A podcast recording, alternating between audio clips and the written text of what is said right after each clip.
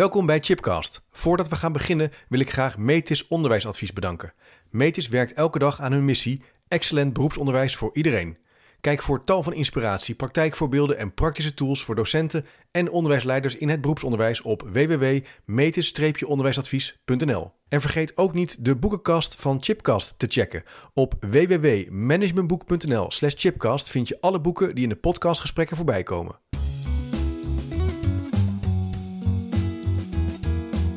Welkom bij Chipcast. Leuk dat je luistert naar een nieuwe aflevering. Chipcast is een wekelijkse podcast over onderwijs. Alles over didactiek, pedagogiek, leren, samenwerken, innoveren, onderzoek en onderwijskundig leiderschap. Nou, mocht je nou voor het eerst luisteren, hartelijk welkom. Vergeet je niet te abonneren via de podcast-app of YouTube, want ja, je kunt ook kijken en dan mis je niks. Vandaag in de studio, daar ben ik heel blij mee, Peter Langerak. Hoi Peter. Hi. We gaan uh, een mooi gesprek voeren. Je bent onderwijspedagoog bij het Nederlands Mathematisch Instituut. Je begeleidt scholen in het gebruik van de methode foutloos rekenen.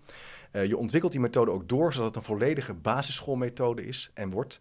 En je doet promotieonderzoek aan de Vrije Universiteit van Amsterdam. Daar heb ik ook gestudeerd, dus dat hebben we al okay. gemeen met elkaar. Ja. Um, jij bent van origine ja, onderwijspedagoog, dat heb je ook gestudeerd. Uh, bedrijfskunde ja. ook gedaan. Ja. En je hebt de lerarenopleiding ook afgerond. Ja, drie diploma's. Ja, ongelooflijk. Ja. Dus wat dat betreft uh, heb je veel om, uh, om te gebruiken. Uh, en om uit te putten. En we gaan het hebben over de ja, hoofdvraag. Wat is er nou in Nederland aan de hand met ons rekenonderwijs? En dan gaan we eigenlijk wat verder kijken dan onze neus lang is. Want je zou kunnen zeggen, ja, rekenen gaat over... Ja, wat je in het nieuws nu ziet, kinderen kunnen minder goed hoofdrekenen. Kinderen zijn minder goed in rekenen, maken ons zorgen om. Maar jij benadert dat ook wel wat diepgaander en wat analytischer. En je kijkt ook wel wat langer terug, onder andere. Dus ik kijk er echt naar uit om het daarover te gaan hebben. Leuk, ja. Hoe zou we dat nou moeten beginnen, die vraag? Moeten we dan helemaal terug naar de jaren 50, 60? Of hoe, hoe, hoe, hoe kijk jij daar naar? Ja, dat kan. Je kan in de jaren 60 starten. Toen waren er in heel veel uh, landen, westerse landen, wilden ze het rekenonderwijs vernieuwen. Ja. Uh, waarom, ook waarom was dat dan? Nou ja, de echte aanleiding, of de aanleiding die je daarin leest, is dat uh, de Russen de Sputnik, uh, de, of de, de Sovjet-Unie de Sputnik de lucht in deden. En de westerse landen zoiets hadden van, hé, hey, maar de techniek en de wetenschap daar gaat sneller. Dus wij moeten daar iets aan doen, aan wetenschapsonderwijs. Uh, en daar is wiskunde een belangrijke uh, bron voor. Dus okay. daar moeten we snelheid in maken om beter te worden in rekenen wiskunde. Bang voor ja. de Russen en dus op, ja. op naar beter wiskundig ja. onderwijs. Ja. Okay. Dat is een aanleiding die vaak wordt genoemd. De, in die tijd ontstonden er ook wel meer internationale conferenties. Dat mensen uit verschillende landen, oh wiskundigen en didactici, leraren opleiders, wiskundedocenten elkaar ontmoeten. Om zaken uit te wisselen. Uh, en nou, dat ontstond in veel westerse landen wel een vernieuwing, een verbetering van, uh, van wiskundeonderwijs. Ja. En dan in het voortgezet onderwijs, maar ook op basisscholen, lagere scholen destijds. Ja. Uh, dat startte en dat start, startte in Nederland ook. Um, nou, op zich niks mis mee zou je denken. nee, is altijd goed als, als iets beter kan. Verbetering en Precies. vernieuwing. Ja. en en hoe, hoe kreeg dat dan uitvoering? Wat, wat zijn we toen gaan doen in Nederland? Um, in Nederland ontstond, kwam er een speciaal instituut voor in, in de jaren zeventig. Okay. Instituut voor de ontwikkeling van wiskundeonderwijs. Okay. Aan de Universiteit Utrecht. Uh, later is daar uh, uh, een ander instituut uit voortgekomen. Het laat, en nu heet dat het Freudenthal Instituut. Ja. Um, maar dat was eerst een instituut. We gaan in Nederland het wiskundeonderwijs verbeteren. Ja, ja. En specifiek voor basisscholen, voor lagere scholen. Nu zeg ik het weer. Ja. Lagere scholen, destijds was het laag. Als iemand het tegenwoordig zegt, hé, hey, daar staat een lagere school. Dan moet ik altijd zeggen, nee, nee, nee, dat is een basisschool. Ja. Ja. Dan ben je toch nog steeds een leraar. Um, um, voor, het ba- voor het lager onderwijs onder, ontstond, er werd toen wiskunde op de basisschool. Zo werd het project wel genoemd. Okay. Uh, Wiscobas werd dat afgerond. Wiscobas. Okay. Wiscobas. Wiskunde op de basisschool. En dat ontstond in, uh, vanaf 1971. Begon dat een groot project te worden. Ja. Met een tienjarenplan was daarvoor uitgetrokken. Om, dat was, werd daarin besloten in die groep. We gaan niet naar het buitenland kijken. We gaan iets zelf doen. We gaan een eigen rekendidactiek, manier van rekenen ontwikkelen, die echt Nederlands is. En ja. uh, we kijken niet naar het buitenland, dat gaan we zelf doen. Oh. Ja. Dus, en waarom zou, je niet, waarom zou je niet naar het buitenland dan kijken? Ja, een soort ja, ego-idee en ook misschien wat trots. Wij kunnen dat gewoon goed. Ja, maar, ja een Hollandse volksaard misschien. Oh, van, we doen, we doen het zelf achter de dijken, eigenwijs. Van dat uh, de, doen we zelf. Ja. Uh, maar dat besluit is toen wel genomen. Ja, en dat okay, is okay. hm.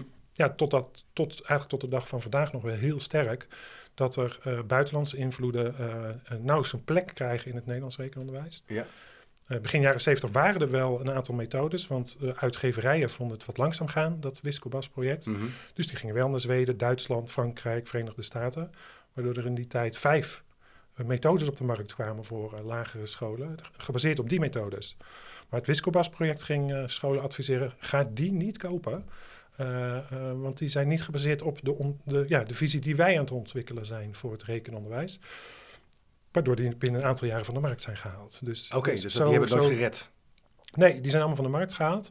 Ehm, en de ontwikkeling, nou, de, ontwikkeling van het Wiscobas-project, wat later realistisch rekenonderwijs is genoemd, dat is echt een Nederlandse ja, manier van rekenonderwijs, wat in Nederland is ontstaan.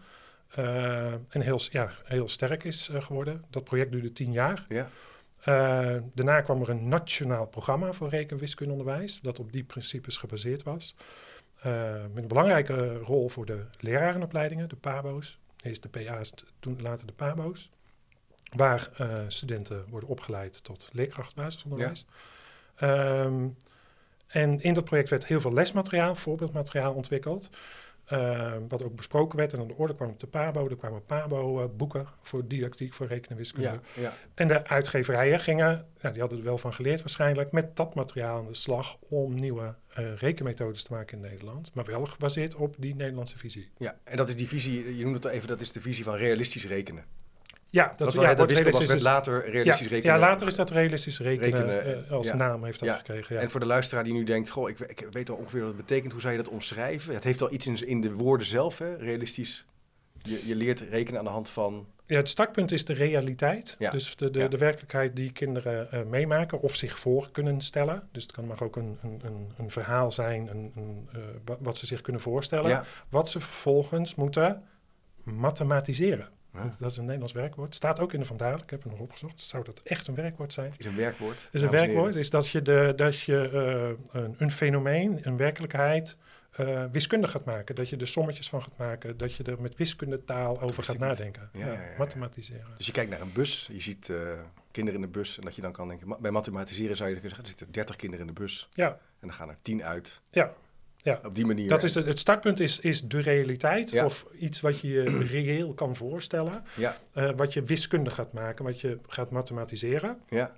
Uh, het uitgangspunt is van wiskunde is een menselijke activiteit. Dus elk mens ontwikkelt dat zelf.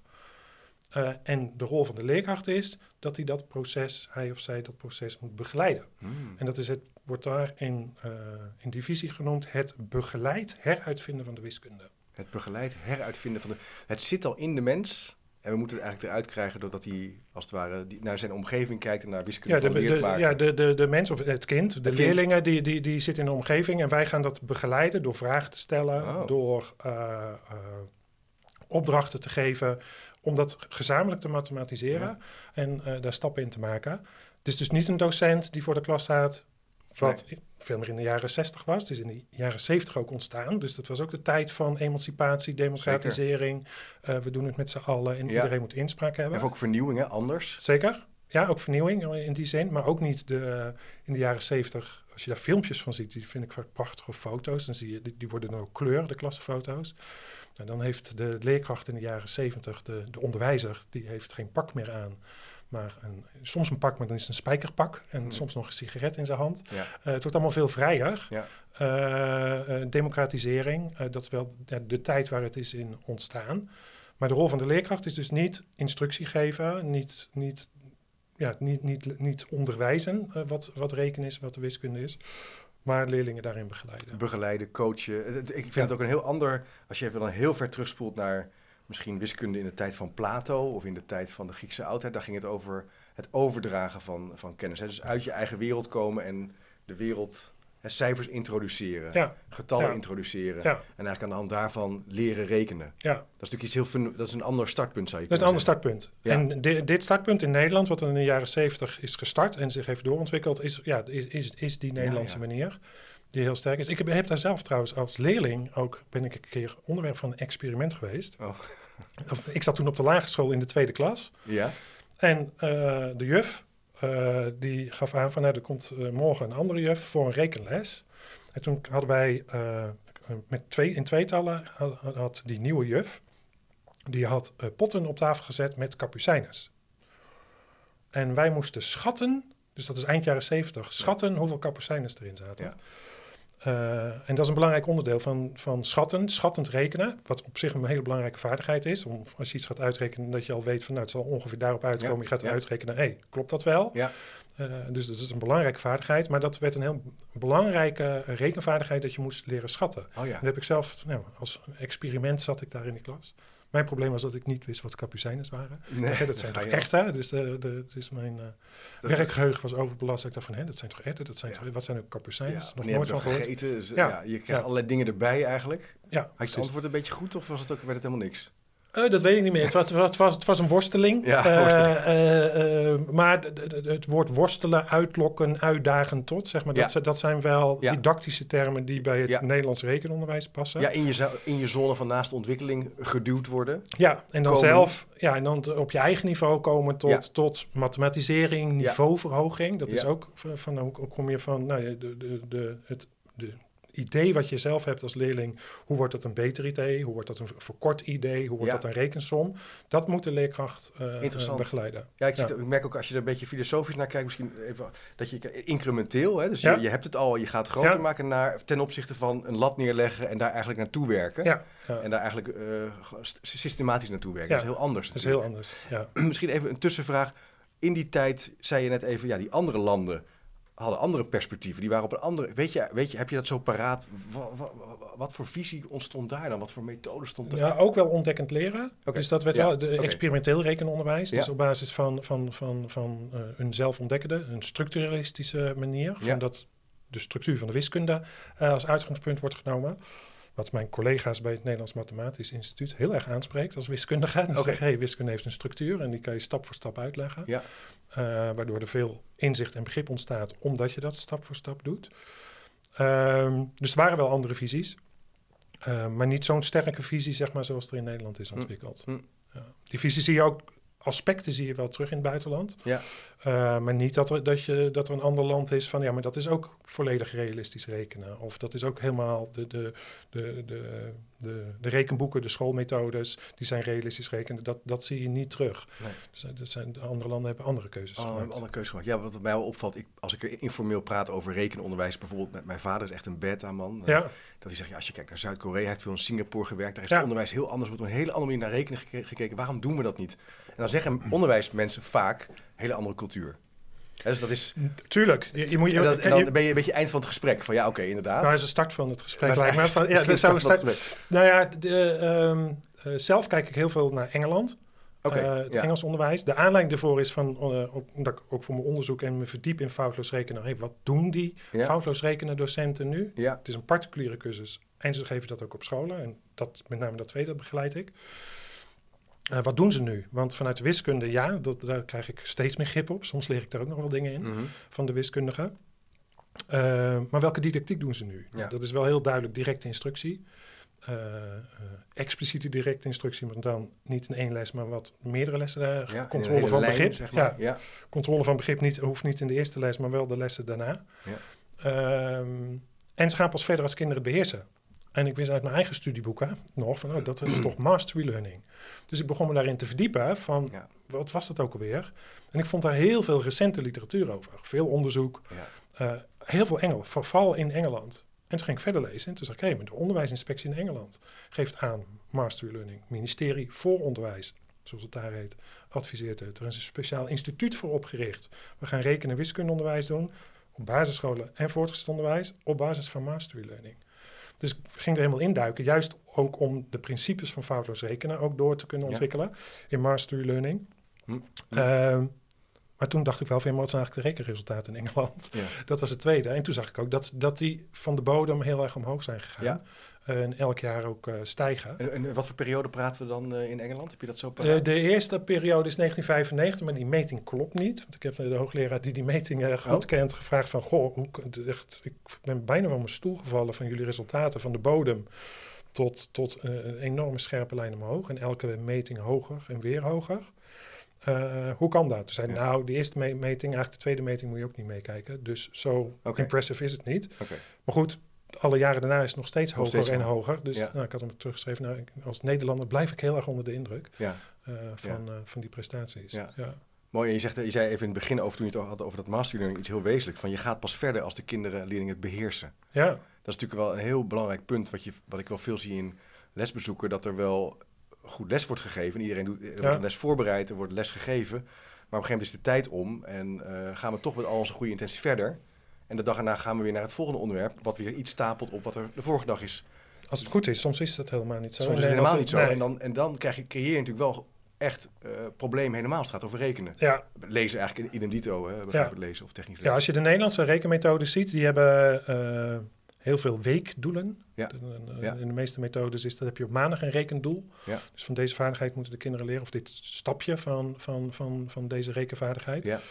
Uh, en dan op woensdag het volgende weekdoel. En die hoeven niks met elkaar te maken te hebben. Het kan eerst over een deelsom zijn en uh, woensdag is het rekendoel iets anders. Uh, en dat herhaalt zich continu. Ja, dus elke, elke, maandag, elke woensdag een nieuw rekendoel. Dat zou dus kunnen betekenen, op maandag doen we digitale klok kijken. Ja. Op woensdag doen we optellen en aftrekken boven de 20, boven de ja. 50. En dan doen we daarna keersommen. Kan. En die hoeven niet met elkaar, die hangen nee, eigenlijk niet met elkaar samen. Nee. En naarmate natuurlijk het onderwijs meer persoonlijker wordt, heeft de leerling meer ruimte om, om geen samenhang tussen te organiseren. Dat klopt. Ja, in Nederland is een, een, een, een Nederlandse term, dat heet verstrengeling van leerlijnen. Ja. En als je dan de literatuur over leest, ja, maar wat is dan een verstrengeling van leerlijnen? De, de, het, het, meeste argument wat genoemd is, ja, om te laten zien dat alles met elkaar te maken heeft. Dat, dat klopt voor een deel in de wiskunde. Dat, je, dat je als je omtrek gaat uitrekenen, dat het heel fijn is dat je plussommen uh, goed beheerst. En doe je oppervlakte, dan is het heel fijn dat je daarvoor geautomatiseerd hebt, de tafels. Ja. Uh, zodat je dat nieuwe concept van het nieuwe idee van oppervlakte kan, uh, kan doen. Maar Nederlandse methodes die hebben heel veel uh, rekendoelen en, en gehusseld. Ja. en in Engeland zie je bijvoorbeeld, deels ook bij foutloos rekenen zie je dat, of nog meer bij foutloos rekenen, omdat het een hele compact programma is, dat je veel langer de tijd neemt voor een onderwerp. Ja, kan je Vier weken, vijf weken. nou, voor oppervlakte bijvoorbeeld nemen ze gewoon drie weken de tijd voor. Ja, uh, ja, ja, om een concept te breuken nemen ze gewoon vier weken de tijd voor. Niet één les en de volgende les nog een beetje of de week daarna. Gewoon veel meer blokken. Dus dan zeggen ze van we hebben uh, uh, een trimester. Ja, zo noemen ze het niet, maar dan hebben ze gewoon en dan, dan hebben ze vier onderwerpen. Nou, als je op een Nederlandse basisschool vraagt, nou wat heb, heb je vanaf nu, uh, het begin van het schooljaar, tot de herfstvakantie, ja, dat kan van alles zijn. Dat, dat, dat uh, kunnen verschillende onderwerpen zijn. Ja, het is heel erg versnipperd. Versnipperd, ja. En het hangt wel allemaal weer met elkaar samen. Ja, natuurlijk hangt het alles met elkaar ja, samen. Alles, alles, hangt met elkaar samen is ook een beetje zo'n soort, het eind van een kroeggesprek. Ja, de, ja, de wereld hangt allemaal met elkaar. Ja, oké, okay, zo dat. Ja, waar, maar daar hebben we niet zo heel veel nee, aan. daar krijg je geen punt voor. Krijg je geen punten voor. Dus dat is al, dus je zijn eigenlijk, wat er, wat er dus lastig aan is, dat er heel veel doelen zijn, dat ze versnipperd zijn. Ja, in Nederland zijn er in, in Nederland, ik heb ze geteld. Um, in Nederland heb je, zijn er rekendoelen opgesteld, rekenvaardigheden. Dat wordt door het uh, Instituut voor Leerplanontwikkeling in Nederland gedaan. Het SLO, Stichting ja. Leerplanontwikkeling. Ja. Uh, opgericht in 1975. Ja. Uh, dus die bestaan ook al een tijd. Doen veel op het gebied van reken- en wiskundeonderwijs. Um, en die hebben verschillende leerdoelen, rekendoelen opgesteld. vijf categorieën. En als je ze optelt, ik vraag dat heel vaak op scholen. Dus degene die nu luisteren dan, uh, en ik ooit op de school kom, dan weten ze het antwoord. In Nederland zijn er 1464 rekendoelen voor de basisschool ja, geformuleerd. Toch, toch op. Ja, ja. Ja. Zeg het nog even één keer. 1464. Ja, dat is en in oktober wordt het er meer. In oktober wordt het er meer. Ja. ja. Ja. ja, er zijn verschillende, uh, heel kort toegelicht. Een mind-boggling, uh, hoe zeg je dat? Uh, soort echt zo van, jeetje, dat is echt wel heel veel. Ja, is heel veel. En dat zie je, dat zie je ook nergens. Dat zie je, ik had echt gedacht 80. Nou, als ik aan de mensen vraag, zeggen ze soms 20, 80. Ja. Ik, ik, ik, doe een beetje een veilingmeester op een school. Ja. Doe ik dan of bij een lezing. Dan vraag ik, nou, wie, wie, vertel, wie, vertel, En dan zegt hij, nou, ik denk wel 40. En dan zeg ik, wie biedt er meer? Ja. Dan zegt dan, nou, ik denk wel 200. En dan zeg ik, wie biedt er meer? Maar niemand komt op 1464. Wat is het dan, dus, en wat is het effect van, van zoveel doelen? Ja, je kan het zelf wel... Ja, bomen en bos. Ja, uh, ja, want het is materiaal dat naar de scholen wordt gestuurd. Er wordt heel vaak gezegd, we moeten ons aan de kerndoelen houden. Dat zijn elf ja. globaal ruim beschreven uh, zinnen van uh, daar moet je aandacht aan besteden. Die, die, zijn destijds ruim beschreven om ruimte te geven aan scholen. Scholen kijken er ook bijna niet naar. maar dat zijn er elf. De allerbelangrijkste zijn de streefdoelen. Die zijn uh, in 2010 ook in de wet gekomen. Naast de kerndoelen staat ja. dat in de wet. Ja. En daar staat in van ja, maar dat zijn vaardigheden, dat zijn de 173, die leerlingen aan het eind van de basisschool moeten beheersen. Ja. En er is een norm aangehouden van dat minimaal 65% van de leerlingen dat ze moeten beheersen. Ja. Minimale niveau. kan je daar een voorbeeld van geven van iets wat je moet kunnen? Uh, ja, de, uh, optellen tot een miljoen, oppervlakte, meten, ruimtelijke objecten. Gewoon, ja, gewoon de basisschoolleerstof of moet beheersen. Het klinkt alsof ook dus in het maken van die doelen eigenlijk ook iets misgaat in Nederland. Dat we eigenlijk, we hebben eerst dus die duizend doelen, daarna hebben we die streefniveaus, dan gaan we 65 procent, dan krijg je, nou ja, dan kunnen we nog wel even doorgaan. Nou, dat klopt. Hoe gaat dat dan bijvoorbeeld even in vergelijking? Hoe, hoe is dat dan in Engeland? Toch even in Engeland heb je een nationaal curriculum. Ja, Daar hebben ze in totaal voor elke eh, klas op de lagere school hebben ze de rekendoelen, de wiskundedoelen opgesteld. En voor de hele lagere school in Engeland zijn dat er 224. Dus voor, voor klas 1, 2, 3, 4, 5, 6. Um, hebben ze dat vastgesteld, dus een stuk minder. Uh, en veel globaler omschreven. Uh, waardoor ze het ook veel makkelijker kunnen plannen en niet zo'n hele gedetailleerde planning zoals we in Nederland altijd hebben. Ja. ja. Maar er zijn dus heel veel, heel veel rekendoelen, de kerndoelen, de streefdoelen. Ik wil straks, kan straks nog wel iets over die 65% zeggen, want dat is een nationale ambitie, dat minimaal 65% van de leerlingen heeft. Dan zijn er ook doelen die heel laag zijn, dat worden fundamentele doelen genoemd. Ja. Dat zijn voor leerlingen die uh, uh, moeite hebben met rekenen en dan is dat het niveau wat gehaald moet worden. Hmm. En dan zijn er ook nog tussendoelen en dat zijn er 794. Ja. Dus als je je korte termijn geheugen kan hiervan al over, over ja. raken. Om dit al even te onthouden als luisteraar. Best wel veel. Ja, het is heel veel. Dus als jij voor de ja, wat, betekent dat als je naar de praktijk gaat kijken? Ja, gemiddelde wat, wat voor de, ja, wat doet een leerkracht? Die, die houdt zich wel, maar die gaat zich aan de methode houden. Die wordt, ja. die zit door de boom het bos niet meer. Die hoort iets van kerndoelen, tussendoelen, aanbodsdoelen. Uh, streefdoelen. Uh, dus die denkt, ja, ik hou me wel aan de methode. Ik hou. Dan, uh, want daar zie ik ook dat 1S-niveau en 1F-niveau, die streefdoelen en fundamentele doelen genoemd, dat doe ik waar. Ja. Wat vind jij nou van het punt dat wij dus zeggen dat sommige leerlingen dus een lager niveau mogen halen dan anderen, als het gaat over rekenen even? Nou, voor, voor, vrijwel alle leerlingen is dat helemaal niet nodig. Elke leerling kan foutloos leren rekenen. Ja. Uh, in Engeland is zelfs, hebben ze ook een nationale ambitie, is dat 98% van de leerlingen 98%? Ja, en 2% zegt ze van ja, er is altijd een percentage van de leerling dat leerproblemen of ernstige leerproblemen heeft. Die had het niet. Ja. Maar we willen dat elke leerling uh, gewoon die niveaus Elke leerling kan. Ja, ik heb natuurlijk eerder ook met, met Cheskin uh, hierover gesproken. En ook wel uh, naar andere rekenexperts, Marcel Smeijer, ook vakgenoten. Die, die, ook laten zien en die ook wel stellen, precies wat jij zegt, dat bijna elke leerling dit, die, die, die hoogstaande doelen moet kunnen bereiken. Ja, ja. Ja, ze zijn ook niet zo, in die zin zijn ze ook niet van het is geen, het is geen hogere wiskunde wat op de basisschool wordt gedaan. Nee. Uh, de kinderen moeten veel oefenen, hard werken, stap voor stap uitleggen. Dus het is niet van dat, dat het uh, komt aanwaaien, dat hoeft ook helemaal niet. maar, het, is niet, ja, dat kan. Ja. Als je naar de Engelse doelen kijkt, bijvoorbeeld, die zijn, daar wordt algebra bijvoorbeeld in groep 7 gedaan. als ik een lezing geef hier op, uh, aan schooldirecteuren van basisscholen, dan is de helft van ze, wat is dat ook alweer? Ja. Dat kan gewoon. Ja, dat kan. Ja, dat doen Het valt mij ook op dat de scholen die ik bezoek, die dus... Heel verstandig uh, ook als ze dat doen. Ja, precies. Nou, ik, was, ik zou nog wel willen weten wat algebra nou dan precies zou kunnen zijn. Misschien maar daarvoor ook wat mij opvalt. Scholen die dus sterk inzetten op dit kennisrijke curriculum, op rekenen. Dan zie je ook dat die kinderen ontzettend veel kunnen. Ja. Het ook leuk vinden om te rekenen. Dat er veel meer kan dan je eigenlijk denkt. Ja. Dat het niet zo moeilijk is uh, als je eenmaal op Klopt. weg komt. Wat zou je dan kunnen doen? Wat is dan precies algebra? En wat zou je dan kunnen doen in groep 7 of in groep 8? Nou ja, uh, 2 a min 10 is 14. Wat is a? Dat, en daar zijn formules voor, vaste manieren om te werken. Als ik dat heb ik laatst uh, in Nijmegen op een lezing gedaan. De, de, dat soort Engelse rekensommetjes voorgelegd. En dan gaan ze schatten. Dan gaan ze, nou, stel dat A 4 is, stel dat A 2 is, komt het dan uit. Maar bij de Engelse opgave staat, gebruik de vaste formule. De vaste stappen die je daarvoor moet hebben. En dan zeggen ze, maar dat weten we niet. en dat, geeft ook, dat geeft ook helemaal niet. Nee. Um, ja.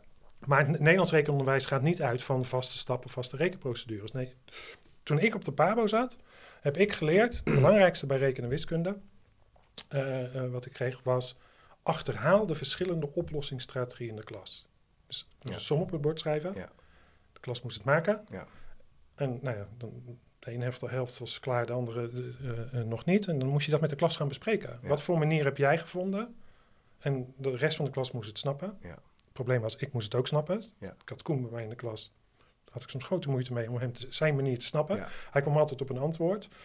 Soms kunnen er wel tien verschillende manieren in een klas zijn. En die zou je dan moeten bespreken. En met elkaar moeten mathematiseren, naar niveauverhoging komen... om te kijken wat een goede manier is. Ik herken dat wel, ook in de tijd van corona. Ik zag het ook bij mijn kinderen in het meekijken van de rekenopgave... dat het optellen en aftrekken van grotere uh, sommen dat daar in de aanloop al vier, vijf methodes eigenlijk uh, ja. Uh, opgest ja. Dus je eerst dit, dan een getallenlijn, dan weer dat, dan weer dit. Ja. En ik denk, jongens, er is gewoon nog één manier. Waarom doen we niet meteen de juiste manier? Want dat is, daar hou je heel veel houvast uit. Ik heb hier eerder ook al uh, druk om gemaakt. Maar... Nee, kijk, de, de, hoe ik in de jaren negen, begin jaren negentig op de paar ben opgeleid, is achterhaalde verschillende, verschillende ja. oplossingsstrategieën. Daar is wel, dat is wel iets veranderd. Want nou, dat konden er wel tien zijn. Maar nu zitten er voor sommige bewegingen wel vijf of verschillende rekenstrategieën, oplossingsstrategieën in een methode. En die krijgen vaak een volgorde. Maar er wordt wel in veel methodes gezegd, deze manieren, deze manieren om sommen op te lossen zijn voor de 1F-kinderen die moeite hebben.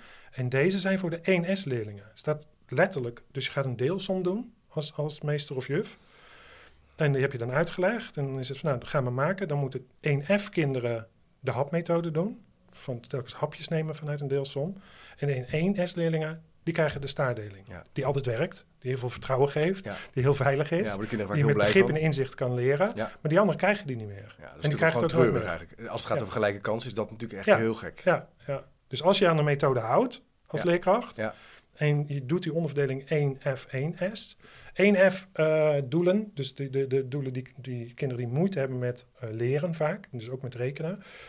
Uh, is mijn advies, doe gewoon remedial teaching op de school. Dus op heel veel scholen is dat er niet meer. Nee. Uh, geef ze extra begeleiding. Uh, goede taakanalyse wat ze moeten doen. Stap voor stap, nog meer stap voor stap erin doen. Want die, die, die, die, die 2, 3 procent haalt dat niet in de klas. Nee. Maar dan kan de rest van de klas, kan, alle, alle andere kinderen kunnen dat halen. Ja, ook weer hier toch het idee van, die, al die kinderen zijn uniek. Die hebben allemaal hun eigen idee ja. hoe ze moeten rekenen. Laten we ze daarin helpen en dat, dat ontwikkelen. Het zit er eigenlijk al in. En jij als leerkracht bent aan het rondrennen door die klas. Ja. En terwijl eigenlijk zeg je, er is, er, zou, er is een eenduidige manier om te leren rekenen. Ja. En, dat, en eigenlijk zijn we daar, willen we daar niet aan in Nederland. Nee, Nederland niet. Nee, Nederland gaat om verschillende. Verschillende, ja. Foutloos rekenen, maar in Engeland ook. Zeg maar het woord algoritme of een altijd werkende rekenprocedure. Uh, zoals het de docenten van foutloos rekenen het noemen. En wiskundigen noemen dat een algo, uh, algoritme die altijd werkt en ja. het meest efficiënt is. Ja. Uh, die is meest veilig. Ja. om aan te leren. Ook omdat je die nodig hebt om volgende rekenvaardigheden en concepten aan te leren. Uh, is die manier uh, uh, nodig om, ja. om dat te leren. Op de basisschool voor volgende onderwerpen bij rekenen. Maar ook in het voortgezet onderwijs heb je bepaalde vaardigheden nodig. Ja, daar haal je gewoon houvast ook uit. Hè? Ja, en veiligheid. veiligheid. Dat wil niet zeggen dat je niet op andere manieren kan rekenen. Als, als jij en ik boodschappen doen, dan doen we een schatting. En jij rekent het misschien op een andere manier uitschattend dan dat ik het doe. Uh, daar is niks mis mee, maar we kunnen wel terugvallen op een manier die altijd werkt. Ja. Uh, en uitrekenen. Of als ik uh, formules in Excel zet, dan denk ik, hé, dat kan niet kloppen. Oh, ik heb een tikfout gedaan. Ja, super interessant. Je kan dus als je het eenmaal weet, kan je variëren in je methode. Maar in het begin moet je gewoon eigenlijk een eenduidige, gestructureerde methode. Dat is een aanpak die, die, in andere, die ik in Engeland heel duidelijk zie. Ja. En ook bij de wiskundigen die foutloos rekenen ja. geven. Gewoon een manier die altijd werkt. Jij schreef ook in een artikel um, dat Nederlands, het Nederlands rekenonderwijs ook wel getypeerd wordt door een monocultuur. Ja. Kan je dat eens wat verder uitpakken, wat je daarmee bedoelt? Nou, uh, kijk, die geschiedenis heb ik kort toegelicht. Ja, van de jaren ja, 70, jaren ja. 80 een nationaal programma. Uh, om daarom toe te voegen, in 2004 is er naar basisscholen gekeken van wat voor type rekenmethode gebruiken jullie. En alle basisscholen kwamen uit het onderzoek gebruiken een Nederlandse realistische. Ja. Dus allemaal, daarop gebaseerd. Mm. De Pabo's doen het ook op die manier. Uh, wat de Pabo's hebben gedaan, die hebben in 2009 uh, met de rekenwiskunde docenten van de PABO's, de leraaropleiders, met elkaar een document opgesteld van wat verstaan we nu onder re goed rekenwiskundeonderwijs voor de PABO. Mm. Het document heet de kennisbasis. En de didactiek die ze zeggen, die daar wordt beschreven, is realistisch rekenen. Er worden vijf begrippen uitgelegd in 2009 met heel veel bronvermeldingen. Er zit ook nog een paragraaf bij dat er kritiek mogelijk is, want het was in de jaren daarvoor uh, uh, behoorlijk veel kritiek in Nederland op het Nederlands rekenonderwijs. Um, en dat hebben ze met elkaar afgesproken. Dat is de didactiek die we doen en geen andere. Dat is een versie van 2009. Er is nu eentje uit 2022. Die, uh, daar hebben ze dingen weggelaten. Dan noemen ze het geen realistisch rekenen meer. Dus het, dit zijn de vijf principes van de gangbare. Dat klopt ook. In Ja. Nederland is het ook gangbaar. Ja, inmiddels wel Ja, natuurlijk. Ja, ja. inmiddels wel. Dus dat, de, dat klopt ook wat er staat. Maar er zijn ook andere manieren mogelijk. En de paragraaf dat de kritiek mogelijk is, die, die staat er niet meer in. Dus uh, in die zin zie je dat het op de PABO's heel sterk vanuit die visie uh, uh, leerkrachten worden opgeleid. Studenten worden opgeleid voor de basisschool alleen vanuit die visie. Je ziet het terug in de rekenmethodes die, die basisscholen Ja. gebruiken, dat, dat, dat die dat op die manier doen. Um, Maar het, woord monocultuur heb ik niet zelf bedacht. Dat las ik in een rapport van de KNAW, de Koninklijke Nederlandse Academie voor Wetenschappen. Die deden een onderzoek naar rekenonderwijs. En het voorwoord geschreven door Robert Dijkgraaf, die noemt het een monocultuur. En die zegt van dat is een uh, verarming en dat is verontrustend dat we één manier hebben en dat er niet meerdere mogelijkheden zijn in het rekenonderwijs. Um, nou ja, dat, daar je zou toch denken dat die, uh, Robert Dijkgraaf is natuurlijk een bekend natuurkundige. Zeker. Heeft ja. volgens mij in de ruimtekamer van Oppenheimer ook uh, gewerkt en gewoond. Ja. Dat die beta kan toch dan wel... en, en als het dan al zo lang leidt tot toch problematische resultaten... en ook een problematische manier van rekenen... dat er gewoon sterker wordt gezegd wat nou wel werkt en wat nou niet werkt. Of... Nou, er is wel een periode van kritiek geweest... Uh, vanaf 2005, 2009 tot, tot dat rapport er was. Um, een aantal hoogleraren uh, wiskunde, Jan van der Kaats, uh, uh, Joost Hulshof, ja. Henk Tijms. er werd ook de Stichting Goed Rekenonderwijs opgericht. Psycholoog Mariska Milikowski heeft daar een boek over geschreven met Tom Braams, De Gelukkige Rekenklas.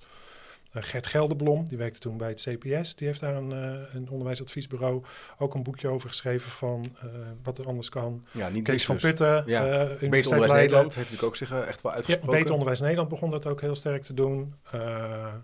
ben Wilbrink heeft daar heel veel over geschreven. heel veel, de prachtige archief heeft hij daarover, ook online te vinden.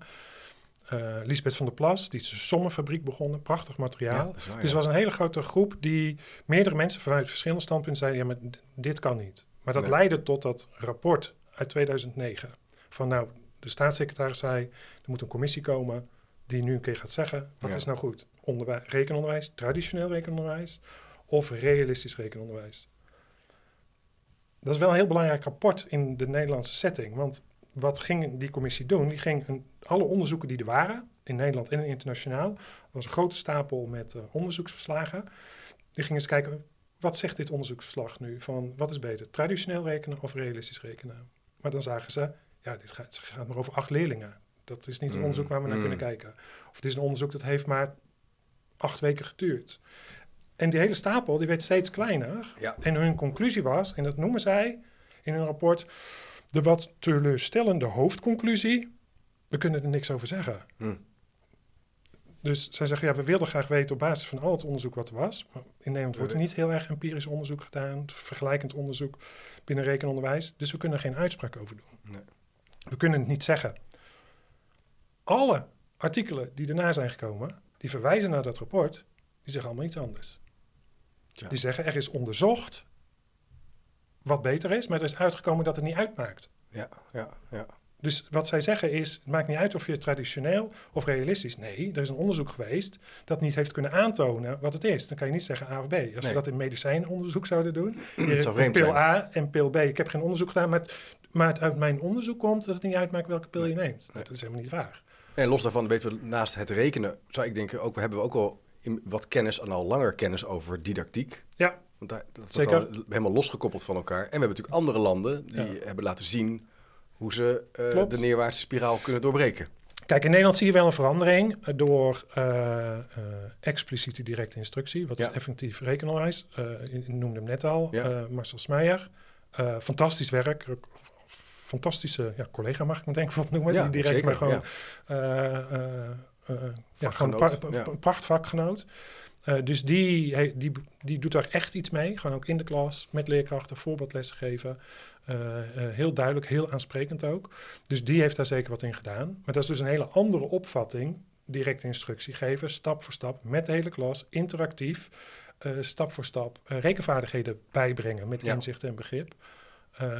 maar dat is niet de gangbare manier in Nederland. Nee, helemaal wat, wat je daar, daarvoor zei. Dat is dat in die PABO dat PABO-netwerk zou je kunnen zeggen, op een gegeven mhm. moment een bepaalde manier van lesgeven is geaccepteerd als de enige manier rondom rekenen. Ja. ja. En dat verklaart ook wel, dat had ik eigenlijk nooit zo door, want op een gegeven moment, vier jaar geleden heb ik volgens mij voor het eerst met Marcel een podcast opgenomen.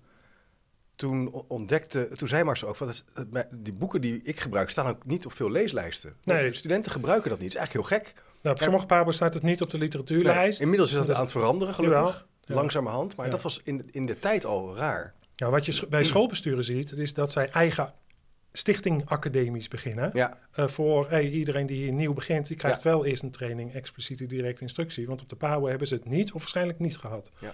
Uh, en wij vinden dat als, als bestuur wel een belangrijke uh, vaardigheid als, als leerkracht dat je dat in huis hebt. Dus die gaan het zelf doen. of leerkrachten gaan zelf naar die cursussen toe. Ja.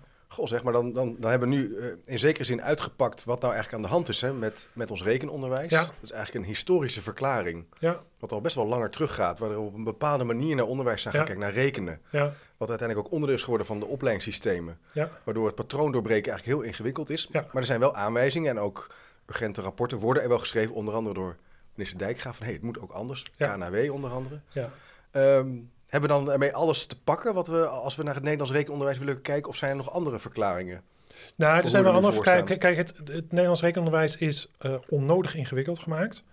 Uh, door de grote hoeveelheid rekendoelen die zijn geformuleerd met een uh, overgedetailleerde planning in, in rekenmethodes. Die leerkrachten nooit kunnen halen. Die planning kan je nooit halen. Wat als je voor de klas staat, heel oncomfortabel gevoel geeft van ja, maar die planning ga ik waarschijnlijk niet halen. Want hoe, hoe, kan, je dat, kan je daar een voorbeeld van geven? Nou, op maandag staat er van op deze maandag, eerste schooldag van het jaar, moet ik deze les geven. Zo Dinsdag moet ik die les geven. Maar je hebt altijd onderbrekingen. Dus dat is een hele strakke planning. Maar er vallen heel veel rekenlessen vallen eruit in het jaar. Dat geeft niet, want we hebben Sinterklaas, Hemelvaartsdag, we moeten op een studiedag. Maar dan moet jij wel gaan schuiven en loop je altijd achter. Oké, dus het is helemaal vastgezet, waardoor je altijd achterloopt. En je hebt ontiegelijk veel doelen. Ja. En dan heb je ook nog eens iets dat je daardoor terug gaat vallen op die methode. Omdat je denkt, ja, anders ga ik het sowieso niet redden. Ja. Hm. ja. Ja, en een ander punt is die... Uh, de nationale ambitie. Dat minimaal 65% van de basisschoolleerlingen die rekenvaardigheden, die streefvaardigheden eigen maakt. Die nationale ambitie hebben we nog nooit gehad in dit land. Nee. Het gemiddelde is 43 procent per jaar, elk jaar. Afgelopen jaar was 42 procent, daarvoor nog wat lager, dan een keer 45 procent. Maar, dus die vaardigheden die kinderen moeten leren op de basisschool, is de ambitie, 65 procent van de leerlingen moet het halen. en, dat, gebeurt jaar in, jaar uit niet. Dat kan je lezen in de rapporten, de staat van het onderwijs, de dikke rapporten van de inspectie. Ja. Die, uh, die komen altijd met die percentages. Soort mooie doorvochte rapporten. En dan waarschuwen ze ook van er moet iets gebeuren. Vorig jaar zeiden ze we moeten niet repareren, maar renoveren. Dit jaar, afgelopen jaar, zeiden ze scholen moeten veel ambitieuzer en concreter worden. Weten wat dat 1S, wat die rekenvaardigheden zijn. Ja, ja. Uh, daar veel meer uh, naar gaan kijken.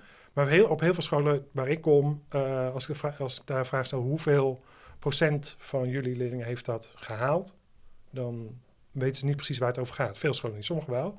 Sommigen kunnen direct noemen, anderen van, ja, wat bedoel je? Bedoel je de schoolweging, dus de complexiteit van de schoolpopulatie? noemen ze dan, ja, volgens ons is dat gemiddeld. Dus, dan heb je het over de schoolweging, gaat het iets anders. Dus er mist ook kennis, je weet ook eigenlijk, ja, er mist kennis. En het lukt dus jaar in jaar uit niet om het te halen. Nee, ik had een keer op uh, LinkedIn een berichtje geplaatst over die streefvaardigheden, ook om te laten zien van, met een, ik had een, een meetlintje erbij gemaakt. Kijk, zo zit dat bij de CITO-scores. Uh, dan weet je dat kinderen op weg zijn om dat te halen.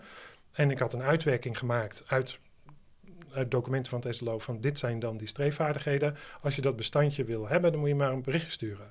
Dat had ik beter niet kunnen doen. Ik heb honderden e-mails verstuurd ja, naar leerkrachten. het weten. Van, mag ik die ook hebben? Mag ik die ook hebben? Ja. Dus dat is het punt dat op scholen van, maar wat zijn dan die rekenvaardigheden die iedereen, elke leerkracht in de school, ook vanaf groep 1, de juf van groep 1 of de meeste van groep 1, moet weten, daar werken we naartoe aan het eind. Als je dat met elkaar weet, dan weet je waar je mee bezig bent. Van wat jouw bijdrage is om die doelen te bereiken. Ja. Dat, dat is een punt. Ken die rekenvaardigheden, die streefvaardigheden. En dat percentage van 65%, daar kijken heel veel scholen niet naar. Die kijken naar een veel lager percentage. En dat heeft met, de onderwijsinspectie te maken. Als je naar de onderwijsinspectie kijkt, in Nederland uh, hebben we 6.500 scholen. Ja. Uh, maar de onderwijsinspecteurs kunnen niet al die scholen bezoeken. dat zou wel kunnen, maar dan hebben we veel meer onderwijsinspecteurs nodig. maar dat, die keuze is gemaakt, dat doen we niet. Maar de, de, inspectie heeft de keuze daarom moeten maken. Wij houden risicogericht toezicht. Wij gaan ervan uit dat scholen hele mooie dingen doen. Wij kijken vooral naar scholen die door het ijs zakken, waar het echt niet goed gaat. Mhm. En die kijken dus, en dan is het percentage voor die scholen niet. We kijken dus niet naar die 65 procent. Nee, we kijken een stuk lager naar 48 procent. Voor sommige scholen nog lager. uh, 35 procent. En dat noemen we uh, de signaleringswaarde. Ja. Dus wij komen pas echt bij de school langs als, als, als, ze door het ijs zakken, als de alarmbellen gaan rinkelen. Van ja, maar dit, je zit ver, hmm. die 65 ga je niet, daar kijken we niet eens naar. Je zit ver onder de signaleringswaarde. Maar zou je dan kunnen zeggen dat het misschien nog wel erger is dan we denken? Ja, ja, dat is zeker. Want omdat, omdat veel scholen, wat er gebeurt, is dat uh, binnen scholen die signaleringswaarde in de leerlingadministratie wordt gezet. Dat is de norm. Nou, we moeten als school, moet onze school met deze leerlingpopulatie uh, 42 procent uh, moet, dat, moet die vaardigheden van de leerling moet dat, uh, beheersen. Nou, dan zetten wij het op 44 procent, zitten we er iets boven. Maar dus geen 65 procent. Er zijn weinig scholen die zeggen: nee, onze ambities, dat is de nationale ambitie. Dus iedereen, iedereen kijkt, omdat de inspectie, dat is ook nooit de bedoeling geweest van de inspectie. Nee, van niet wij, weten. Wij kijken naar dit risico, maar de sector, de, de, scholen nemen dat over. Ja. En de inspectie had juist heel, heel mooi bedacht eigenlijk, of het beleid was heel mooi bedacht. Van, nou, de inspectie kijkt naar de scholen die risico lopen, dus naar de onderkant. Die, die moeten echt wat doen, die scholen. En scholen die een voldoende hebben gekregen, dus boven die risico's zitten, als ze denken dat ze goed zijn, mogen ze zich aanmelden. Gaan we kijken of ze de kwalificatie goed krijgen. En scholen die dan de kwalificatie goed hebben gekregen, daar gaan we die mogen zich aanmelden als ze willen of ze excellent zijn. Nou, wat is er dit jaar gebeurd? De Tweede Kamer zegt nee, daar moet de inspectie mee stoppen. Ja. We stoppen met excellente scholen, die de benaming komt niet meer. En ook goede scholen die benaming niet meer. Dus dat is alleen voldoende, onvoldoende. Ja, stel je voor of zeer zwak als je er doorheen bent uh, gezakt. Zo. Ja. Zou dit ook kunnen verklaren dat... Wat mij, namelijk, wat mij opvalt in het onderwijs... is dat we eigenlijk steeds kritischer zijn naar toetsen. Mm dus het idee van een toets is, uh, is natuurlijk al langer door bepaalde onderwijsvernieuwers... wordt dat al in een kwaad daglicht gezet. Maar dat is eigenlijk steeds sterker aan het worden. Het idee van cum laude is nu bijvoorbeeld uh, afgeschaft op de universiteit. Ja. we zijn heel erg bezig met formatief handelen, wat ook prachtig is. Hè? Dat is ook, kan een heel mooi onderdeel zijn van je proces. Maar bij rekenen is het natuurlijk op zich een blaadje met de tafels. En dat je dat een beetje op tempo kan doen, is op daar is niks mis mee. Nee. Ik heb wel eens in een eerdere podcast gezegd, ik voorspel een soort einde van de toets. Dat we diplomaloos en af willen van elke vorm van een cijfer. Misschien ook wel, omdat we eigenlijk wel voelen van ja, op het moment dat we dat cijfer geven, is het nog wel erger dan we denken. Zou je daarin meegaan? In, nou, ja, ik ben een soort reactie op de neergaande resultaten is dat we ook kritischer worden op toetsen. Nou ja, uh, ja de, de, norm gaat naar beneden. We gaan naar de onderste norm kijken, niet, niet naar de ambitie. Je, er wordt niet gekeken van welke ambitie mag je hebben. Ik ben zelf een groot voorstander van formatief toetsen. Maar dat in, in de zin dat het een werkwoord van een leerkracht is. Een foutloos rekendocent die toetst continu ja. Dat wil zeggen, hij kijkt continu of kinderen uh, het goed doen of niet goed, goed doen, of ze het begrijpen of niet begrijpen. Ja. Je het zeker uh, weet, dat je, zodat je verder kan. Continu, continu. En uh, leerkrachten op basisscholen die zelf foutloos rekenen geven, doen dat ook. Die geven een instructieles en alle de lessen daarna lopen ze rond, geven ze opnieuw instructie. Zijn ze dus aan het kijken of kinderen het goed doen, of ze begrijpen wat ze doen, doen ze controle van begrip. Dus continu aan het kijken. Dus toetsen is een heel belangrijke leerkrachtvaardigheid, maar dat is een werkwoord. En dat is niet een blaadje, ook een blaadje voorleggen, dat is de toets maken. Maar toetsen, controleren, checken of kinderen uh, begrijpen wat ze doen, of ze het goed doen. Ze ja, of nul fout hebben, hebben. bijvoorbeeld uh, 20 sommen nul fout kunnen maken. Ja. Dat vinden we tegenwoordig, er zijn heel veel mensen die daar moeite mee hebben. Ja. Terwijl je kan zeggen, ja, als het gaat over, je wil zeker weten dat een leerling uh, de deelsommen beheerst, dan moet je gewoon zeker weten dat je die 20 goed kan. Dat kan, kunnen ook heel veel leerlingen. Nou, bij, de, de, ja, sterker nog, een foutloos rekenen leerling in een particuliere cursus, dat zijn kleine groepjes, 6, 7, 8 leerlingen. Als, daar is een diploma voor, maar dan moeten ze plus min keer een deelsommen, een toets maken, een receptentoets, dat zijn rekenafspraken, metriekstelsel, moeten ze sommen maken, streefvaardigheden, heel uit de breuk halen, uh, getalwaardes verschillend kunnen schrijven. Dat zijn toetsen. En elk blaadje moeten ze in één keer een keer foutloos hebben gemaakt. Nul fout. Ja. Dan krijgen ze, anders krijgen ze diploma niet. Ze mogen dat een tweede keer doen, een week later nog een keer de toets maken. Maar de diploma-eis is, je moet wel uh, ja. dat waarom, een keer heel in één keer foutloos waarom, waarom doen jullie dat? Of waarom wordt dat gedaan? Nou, uh, de foutloos rekendocent, ja, omdat het essentieel is voor de vaardigheden die erna komen. Van als je, uh, als je daar fout in maakt, iedereen maakt fouten. Het is ook niet erg bij nee, als een leerling een fout maakt. Nee. Het voordeel is, het wordt opgeschreven in een schrift. Dus dan kan je achterhalen wat je fout hebt gedaan. Ja. Is het een schrijffoutje, een slordigheidsfoutje? Is het een 0 en 6 bijvoorbeeld? Kinderen kunnen nogal slordig schrijven. Zeker, zeker. Is het een procedurefout of is het een hoofdrekenfout? Je moet altijd uit je hoofd rekenen. Je hoofd moet er altijd bij zijn. Ja, dus die fout heb je nodig om te weten of je... Ja, ik maak ook rekenfouten. Ja. Jij denk ik ook wel eens. Heel soms. Ja, heel soms, heel soms, ja. Uh, maar dan kan je achterhalen wat je fout hebt gedaan. Ja, nee, hoe kan dit nou? Ja, ja. ja. dus toets is hartstikke belangrijk. Ja, ja. Interessant, goh, wat een boeiend gesprek. We hebben op, op, die, op die manier wel een soort Hele mooie verkenning gedaan, Peter. Wat is nou aan de hand met ons rekenonderwijs? Ik denk dat als je nu luistert, dat dit toch wel tot denken aanzet. ik zal ook even de linkjes naar de verschillende artikelen die je ook noemde ook plaatsen. Als je wat wil doorlezen, we hebben een aantal boeken hier op tafel liggen, die zal ik ook even plaatsen. Als je nou als, als, als onderwijsprofessional luistert, wat zijn nou de vragen die je zelf zou kunnen stellen of je team zou kunnen stellen? Ik zet je een beetje voor het blok hoor. Als je ja, hierover verder wil nadenken. Wat zeg je nou? Dit zijn wel de dingen die, uh, die, waar, je, waar je op mag reflecteren wat mij betreft, als je het hebt over rekenen. Uh, nou, wat mij betreft niet te veel reflecteren. Oh, ja, kijk hoor.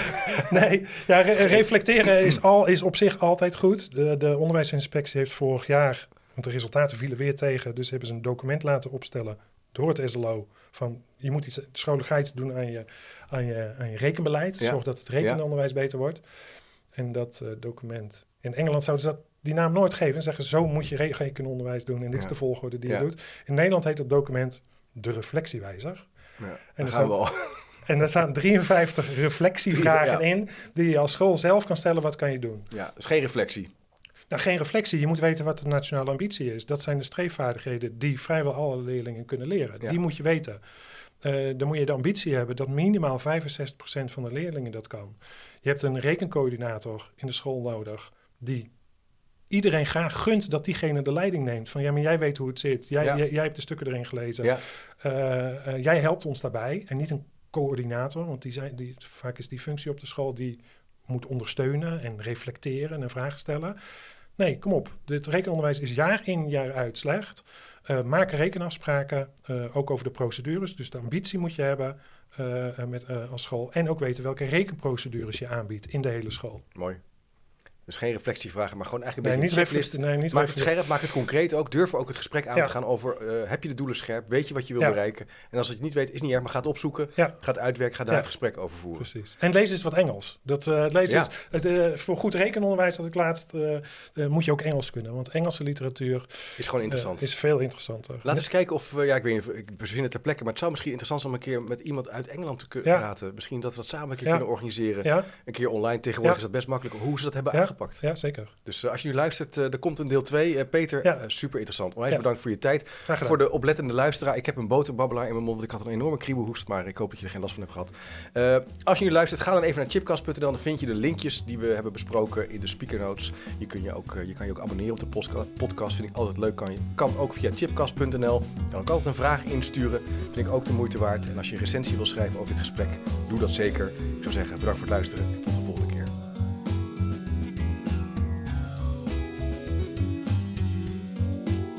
Nieuwsgierig naar meer? Abonneer je op de nieuwsbrief en je mist niks. Ga naar www.chipcast.nl slash doe mee. Wist je dat er op chipcast.nl meer dan 200 afleveringen over onderwijs, samenwerken, innovatie, verbetermanagement, leiderschap, organisatieverandering en filosofie te vinden zijn? Blij met deze podcast? Je helpt Chip enorm met een review of recensie op Spotify of Apple Podcast. Je kunt trouwens alle gesprekken op YouTube bekijken. En vergeet je dan niet te abonneren. Tot slot nog even dit. Managementboek heeft ook een podcast, De Boekenpraktijk, over managementboeken. Check ook deze podcast via je favoriete podcast app.